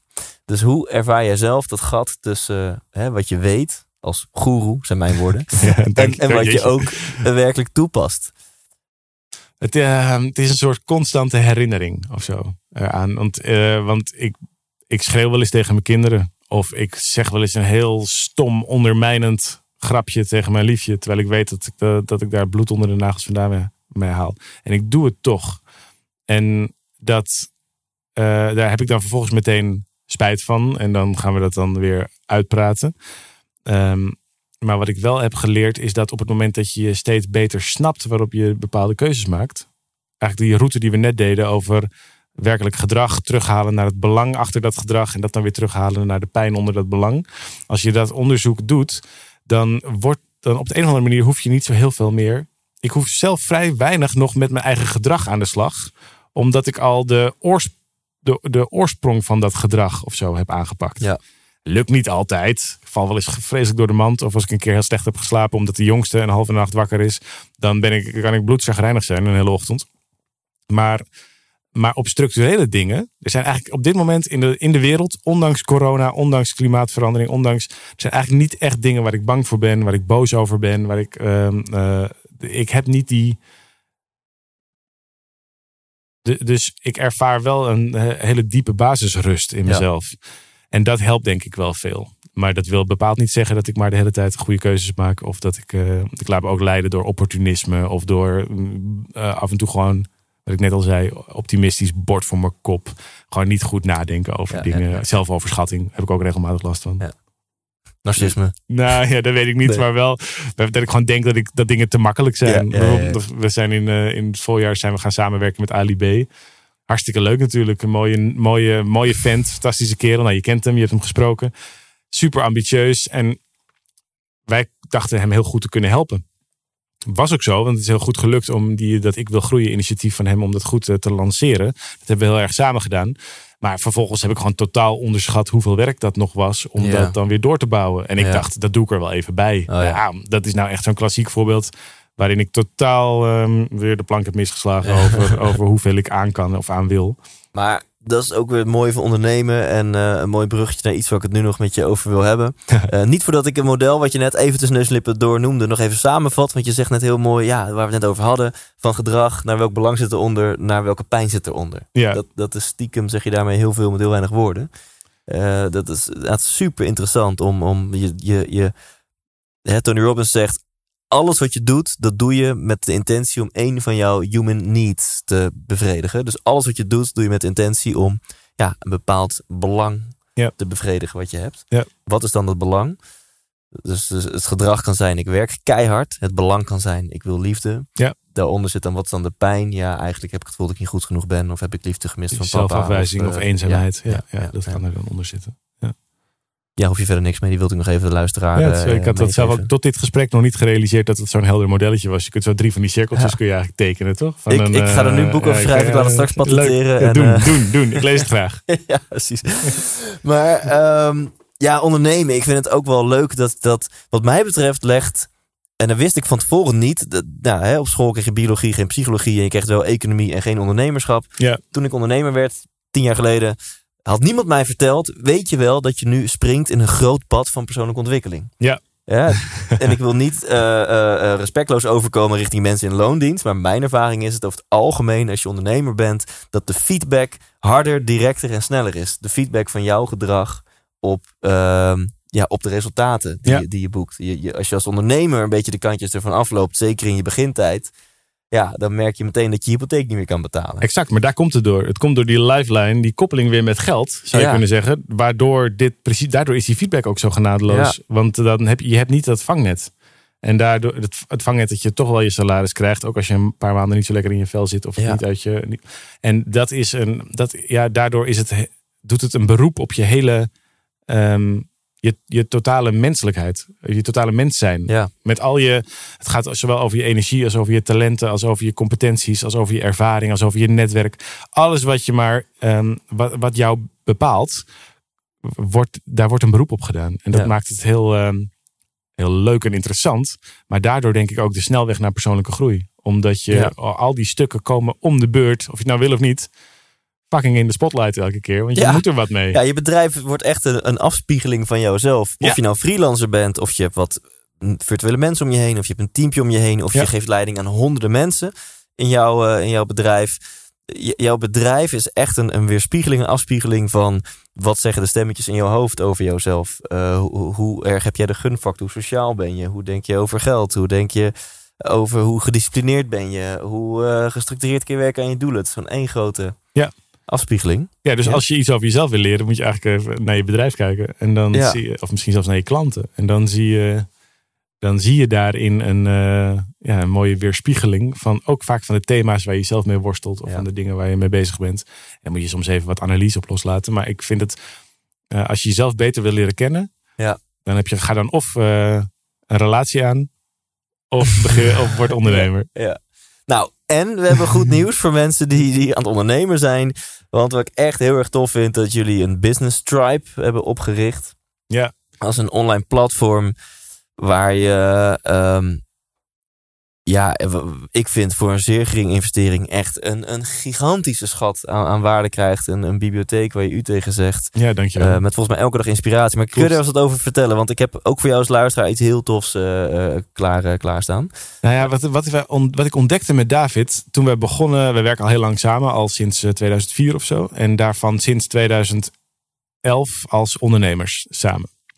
En wij ontdekten dat het een van de eerste dingen die we te leren hadden als we onze missie wilden bereiken, als we onze doelen wilden bereiken, was over dat ondernemerschap. En veel ondernemers die kiezen ervoor om een pad te lopen van vallen en opstaan. Het zelf proberen, af en toe misschien een keer een boekje lezen of naar een heel duur seminar gaan van eh, een of andere goeroe. En, daar, en, en dan maar hopen dat het voor de rest goed komt. Te leren van je eigen fouten. En dat, dat, hebben wij ook gedaan aan het begin. Steeds meer dat op die manier op te tuigen. En langzamerhand ontdekten we dat daar, dat daar dingen goed begonnen te lukken. En dat, we, dat het ook geen willekeur was. Het was niet toevallig. Want we hadden een aantal, ja, je zou bijna kunnen zeggen, een soort van universele uh, ondernemersregeltjes voor onszelf. Een aantal dingen die gewoon heel goed werkten. Een soort standaard routines. Die elke ondernemer, of je nou net voor jezelf begonnen bent. Of het plan hebt om voor jezelf te gaan beginnen. Of dat je al eh, twintig jaar bezig bent en een team hebt van tien mensen of twintig mensen. Die voor al die mensen gelden. Het is elke keer hetzelfde. Keer op keer op keer op keer op keer, weer opnieuw. Uh, want we hebben het ook al in onze fases van toen we nog in een kraakpand zaten. Uh, een boekje te typen terwijl het ijskoud was. Maar ook nu een prachtig kantoor, 25 mensen in dienst en een groot bedrijf, zes bedrijven inmiddels. Elke keer werken diezelfde regeltjes nog. En wat er gebeurde in de afgelopen jaren was dat er steeds meer ondernemers naar ons toe kwamen en zeiden: vertel ons nou eens hoe je dat doet. Wat, hoe kan het nou dat jullie en die doelen halen. Van die grote zalen bijvoorbeeld. En die veel verkochte boeken en scheurkalenders en dat soort dingen. Uh, en ondertussen de ruimte hebben om nieuwe initiatieven te ontplooien. Zoals zo'n initiatief met Ali. Of zoals de Eagle Lodges. Of allemaal dat soort dingen. En ondertussen gewoon maar vier of vijf dagen, vier dagen per week werken. En nog alle avonden met je kinderen bent. En dat, hoe, hoe, hoe doe je dat? En dat klonk altijd alsof er een soort magie achter zat. Maar dat is natuurlijk helemaal niet zo. Want dat, ja, als David en ik het kunnen, denk ik dat iedereen het kan. Want dat zijn een aantal uh, keuzes. En toen hebben we vorig jaar in november besloten, nou weet je wat, meer als een soort legacy. We hebben, we hebben toch al 365, dat loopt goed. Um, we hoeven het er niet naast te doen omdat we nog geld willen verdienen. Maar laten we nou kijken hoe we die ondernemers kunnen helpen. En toen hebben we besloten, laten we er dan een soort uh, club van maken. Een tribe. Waarin je elkaar om hulp kunt vragen, waarin je support kunt halen. Maar waarin je ook vooral heel veel leert. Want dat is vaak je bent zelf altijd de deksel op je eigen groei. Als je zelf stopt met leren, dan stopt je bedrijf met groeien. Oh, instantly. Dat is één op één. Dus je hebt te blijven leren. Dus wat we hebben gedaan, is gezorgd dat we. Eh, nou, er zitten nu zo'n 500 eh, plus uh, superleuke, ambitieuze ondernemers in. Allemaal mensen die er niet in zitten omdat ze in een jaar miljonair willen worden. Maar vooral omdat ze willen werken aan een mooiere wereld. Dus gewoon een leuk leven willen hebben. Een onderneming die daar een onderdeel van is of aan bijdraagt. En op die manier ook verschil maken weer voor andere mensen. Dus echt een soort steen in de vijver. En zo hebben we in het voorjaar, het, uh, het viel ongeveer tegelijk met corona, maar dat was eigenlijk meer een soort van toeval. Uh, hebben we die 365 Business Tribe gelanceerd. En daar zitten dus nu 500 ondernemers die elke dag een, een template, een inzicht, een stappenplannetje, een videootje, een inspiratietje, een tip krijgen over, over marketing, over sales, over je financiële huishouding, over hoe je strategie maakt, over hoe je de juiste mensen aantrekt, over advertising, over onderhandelen. Nou, eigenlijk alle dingen waar je maar tegenaan loopt. En dat hebben we dan zo geprijsd dat het eigenlijk voor ondernemers geen, uh, nou ja, dat geld geen hoorde is, dat iedereen erbij kan. Uh, en dan hopen we dat dat zich uitgroeit de komende paar jaar naar het gewoon de plek waar ondernemers samenkomen en met elkaar praten om op een waardevolle manier aan hun bedrijf te werken. Super veel leren over sales, marketing, finance en noem maar op. Uh, en dat we op die manier samen met elkaar van Nederland het gelukkigste land van de wereld ja. maken. Ja, ik vind het echt super tof. Ik, ik heb zelf ook een premium platform en ik ben nog heel erg zoekende naar wat nou de juiste vorm daarbij is en, en hoe ik zoveel mogelijk content kan delen met die premium members. En jullie delen gewoon elke dag, en ook voor door de week geloof ik, hè, van maandag tot en vrijdag. Zeven dagen in de week. Zeven, elke dag Ja, delen ja, jullie Ja, ja, ja. in de vorm van een video of een Soms is, template. het, soms is het een video van vijf minuten, soms is het een Q&A-sessie, soms is het inderdaad een template. Hoe maak je nou een goede begroting? Hoe maak je nou een slimme social media strategie? En dat zijn het gewoon invulvakjes voor jezelf. Elke dag iets. En wat veel ondernemers doen is dat ze er ofwel vijf minuten per dag even, bijvoorbeeld tijdens het poepen of zo op de wc, even mee bezig zijn. Eh, Ja. of, ehm, of één keer in de week een uur. En Ja. dan even voor zichzelf een moment nemen. Oké, nu deep dive, even bijwerken. En, en, de, en vooral ook heel veel met zichzelf, in, met elkaar in gesprek zijn. Dus Ja. bijvoorbeeld een idee hebben over, nou, ik ga daar binnenkort dit pitchen. Hoe kan ik dat aanpakken? En dan gaan ze daar met elkaar over in Ja, gesprek. tof. Of dit is mijn propositie. Is dit een goede prijs? Of moet er misschien nog wat bij? En dan gaan ze daar met elkaar over in gesprek. Ja, en dat is gewoon... Je, hoeft niet meer naar van die stomme netwerkborrels. Je hoeft niet meer naar allerlei dure marketing seminars. Je hoeft niet meer duizend boeken te lezen. Of ah, in ieder geval te kopen. En je leest er vervolgens toch niet. En dus dat hoeft allemaal niet. Want dat gebeurt dan in die Ja. tribe. Nou, en dat werkt, al- werkt veel beter dan ik had gedacht En- en van tevoren. Elke dag heeft een thema, toch? Ja, omdat ik geloof heel erg in ritme. En, Ja. ehm, ik geloof niet in hard werken of in discipline, maar ik geloof wel in ritme. En ritme betekent elke dag een klein stapje. En door een dag een thema te geven, wordt het onderdeel van je manier van denken en werken. Dus bij ons is het Marketing Monday. Weet je, op maandag gaat het over marketing. En dan is het Tribal Tuesday. Dus op, dan gaat het over je tribe, over de mensen met wie je je omringt en hoe je dat doet. En, dan is, en zo hebben we Sales Saturday, dan gaat het over verkopen. Of Finance Friday gaat het over. nou, en zo hebben we alle dagen hebben een, een, een thema. Ja, en dan tof. gaat het dus, staan we stil bij dat. eh, dus op Finance Friday, dan gaat het de ene keer over hoe bepaal je nou een goede prijspunt. De volgende keer over wat is de profit first methodiek. Die keer daarna over eh, hoe zit het met een broodfonds als je je wil verzekeren. Die keer daarna gaat het over hoe vind je een investeerder. En dat gaat dus allemaal over geld, want dat is Finance Friday. Maar op Marketing Monday Ja, gaat het tof. over funnels of gaat het, nou noem maar op. En zo, ehm, nou dat werkt als een tierenlier en mensen zijn er super enthousiast over. Dus daarom, eh, daarom eh, vind ik het leuk om daar nog een tijdje mee Ja, te en ik, ik heb het ook gezien. Ik heb een kijkje mogen krijgen. Ja, en het is ook ja, autistisch gestructureerd staan ook die zeven thema's. En, Het is eh, heel helder. rij. Ja, Dus het is echt, zelfs, ik geloof in simpelheid. Ja, en als je nu instapt, dan kan je dus ook gewoon gaan bingen van wat er al... Want Ja. elke dag komt er iets nieuws. Maar als je nu instapt, dan heb je honderden video's die je nog Ja, kan ja, ja, bingen die ja. je al hebt gedeeld. Die bibliotheek blijft gewoon staan. Ja, vet, Ja. vet. Ehm, ja, we- ik, ik, ik, doe er een bonus bij. Niet Ik heb jou gewoon de mes op je keel gezet dat je er een Ja, bonus bij moet ja. doen. Jeetje man. Ja. Maar Alsof het nog niet goedkoop genoeg was. Maar dat hebben we inderdaad Want gedaan. wat is de investering van de Business Tribe? Ja, normaal gesproken kost dat, ding, eh, kost dat ding 1500 euro voor een jaar. Nu krijg je hem voor 997 euro. Ehm, en dat is dus maar, wat is dat, 80 euro in de maand. En Ja. daarmee heb je dus onbeperkt toegang tot al die dingen, tot die tribe, tot, nou, tot alles. Tot alle Ja. trainingen, Ja, tot alle experts.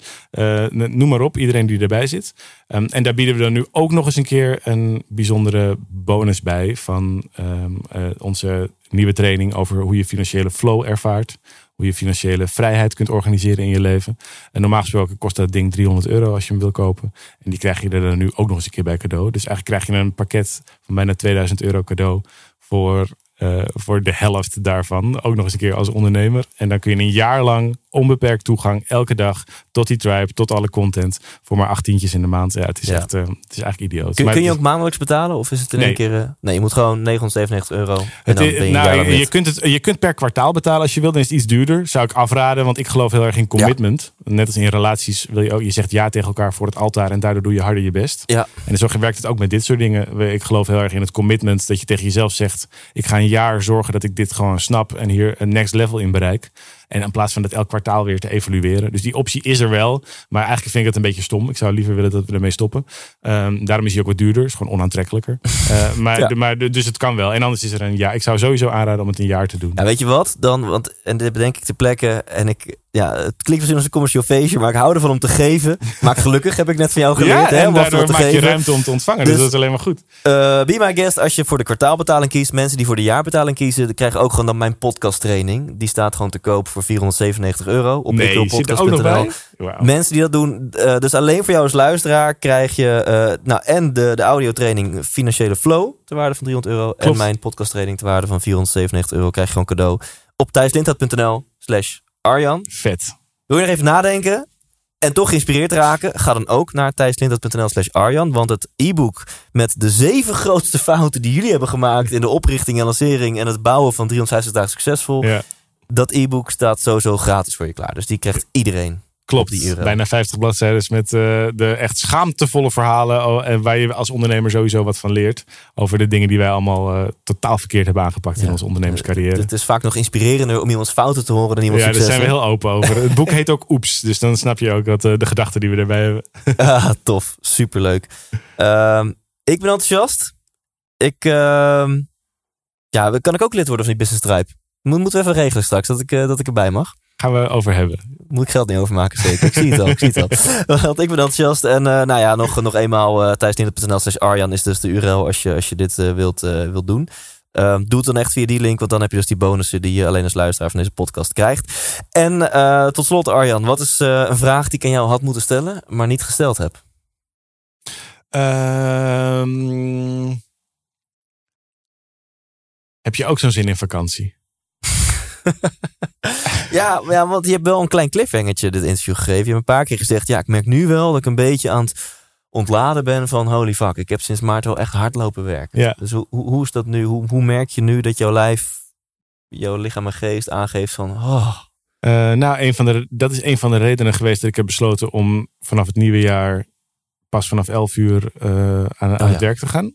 Omdat ik dat heel belangrijk wil maken. Die ruimte voor om, ontspanning, een boek te lezen, wandeling te maken. Ehm, dus daar heb ik wel consequenties aan verbonden. Eh, en ik had met mijn liefje en mijn kinderen afgesproken dat wij vanaf januari zouden we een half jaar op reis gaan weer. Dat heb ik met, eh, met, met mijn geliefde al een heel aantal keer gedaan. Eh, langere tijd weg.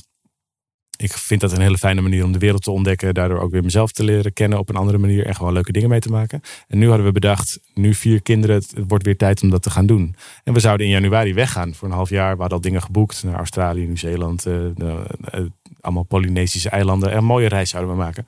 En die is natuurlijk volledig gecanceld. Die gaat helemaal niet door. En lange tijd dacht ik, oh dat is niet zo erg. Want dat geeft ons wat meer tijd om deze dingen weer te regelen. Ook aan de businesskant dingen te regelen. En nu het, nu het zo het moment ja, dichterbij is gekomen dat we eigenlijk zouden vertrekken. Merk ik ook bij mezelf hoe ongelooflijk ik er weer naar verlang om lekker onderweg te zijn. In die Mm. vrijheid te kunnen bewegen. En, eh, en wel weer naar de tropen te gaan. ja. Dus ik, ehm, ik hoop dat we weer heel snel weer mogen. En tot slot, heb je nog een, een laatste wijsheid voor de luisteraar voordat ik eh, jou ga afkondigen? Wat, heb, wat heb jij uit dit? Eh, Heb je, is er iets wat jij nog leert bij dit soort dingen? Of je hebt inmiddels zoveel miljoen mensen gesproken dat alles voor jou Ja. een open deur is? Of ja, nog wel ik ben net als jij onwijs verwend. Maar de, de grootste valkuil is dat je dan een mindset gaat hebben van ik, ik weet, weet het al. alles al. En ehm, ja, ik ben wel heel blij en trots met en op mezelf dat ik wel echt altijd zo'n mindset heb van blijven leren, blijven leren. Ja. Dus als ik, ehm, we hebben hier in deze ruimte eh, eh, heel wat eh, mensen ook een, een training laten geven aan ons team van de duurzame adviseurs. Ja. Nou, en dan durf ik in mijn bescheidenheid wel te zeggen dat, dat ik dan van de groep de, degene ben die waarschijnlijk al het meest van dit onderwerp afweet en al het meest hierover heb gelezen Logisch, en geïnterviewd en gesemineerd, want het is mijn vak. Ik ben Ja. geen duurzame consultant, maar ik ben professioneel eh, persoonlijk ontwikkelingsjunkie. Ja. Ehm, en dan toch ben ik degene die het hardste mee van iedereen meeschrijft. Ja. En wat ik ook super oninspirerend vind, is na een seminar, laatst sprak ik iemand, nou toen het nog mocht, zo een tijdje geleden was een meisje bij een seminar geweest. En eh, achteraf zegt ze, ja, ik vond, het wel, ik vond het wel inspirerend, maar ik wist alles al. Oh ja, En denk, ach, liefje, opletten. lieverd, alsjeblieft, weet je, dan... Het is misschien waar, dat kan wel, maar doe je het al? Weet je, Ja. wees alsjeblieft iets strenger voor jezelf. En, eh, eh, want dat is gewoon niet de, de growth mindset, eh, Nee. wat mij betreft. Nee, Nou, terug eh, naar jouw vraag. Eh, ik, vind dat, ik ga heel goed op modelletjes. Dat, wat, wat model van gedrag en welk belang zit eronder en welk verdriet of welke pijn zit eronder, dat, dat neem ik mee. Ja. Dat is in elk geval iets wat me nu meteen te binnen schiet. ja, er was een boek over geschreven. Leuk. Ja. En dan die wijsheid, die, om mee af te sluiten, die je aan me vroeg. Ja, jij, je, je hebt nu even tijd gekocht. Ja. Eh, dus in plaats... nou, eh, ja? wat, wat, wat voor mij, ik heb nog wel eens overwogen om dat ergens op mijn lijf te laten tatoeëren. Is er voor mij een, eh, een uitspraak van K. Schippers. De, dat is een, Nederlandse schrijver, dichter. Die heeft ooit een keer een zinnetje gezegd waarin aan de ene kant zoveel ehm, respect zit voor pijn, ellende en het lot. Maar ondertussen zoveel relativering en lichtheid. Dat ik elke keer dat ik het lees weer opnieuw moet glimlachen. En dat is deze. Het leven is geen lolletje. Paraplu, paraplu, parasolletje. Daar moet je het mee doen, lieve luisteraar. Onwijs bedankt. Graag gedaan. 100% wijs! En dat was eh, deze episode met Arjan eh, Vergeer. Als je dit hoort, super tof dat je dit hele gesprek hebt, eh, hebt geluisterd. En dat je super gemotiveerd bent om naar thijslinten.nl slash Arjan te gaan. Want ja, daar vind je dus sowieso die bonus met de zeven grootste fouten... die David en Arjan hebben gemaakt bij de oprichting en, en het groot maken van 350 dagen succesvol. Ik ga dat sowieso lezen, want ik ben heel nieuwsgierig naar, naar die fouten. Ehm, en voelt het goed voor jou, de Business Tribe, om elke dag geïnspireerd te worden? Om eh, elke dag een praktische tip te krijgen. En om deelgenoot te zijn van een community. Zodat jouw business, of je nu in je uppie bent of met een team. Ja, om, om dat naar een hoger level eh, te tillen. Om zelf te blijven groeien, zodat je business blijft groeien. En je krijgt dus een audiopakket, fi- fin- financiële flow erbij. En mijn podcast training. Als je geen podcast wil beginnen, geef die training lekker weg. Want het is gewoon een bonus waarde van 500 euro die je erbij krijgt. Ehm, als je daar interesse in hebt, als het goed voelt, doe dat dan ook gewoon op thijslindhout.nl slash Arjan. En ehm, ja, heel erg bedankt nogmaals. Ja, fijn dat ik hier mocht zijn. Dankjewel. En jou als luisteraar of kijker, eh, tot volgende week. Leef intens!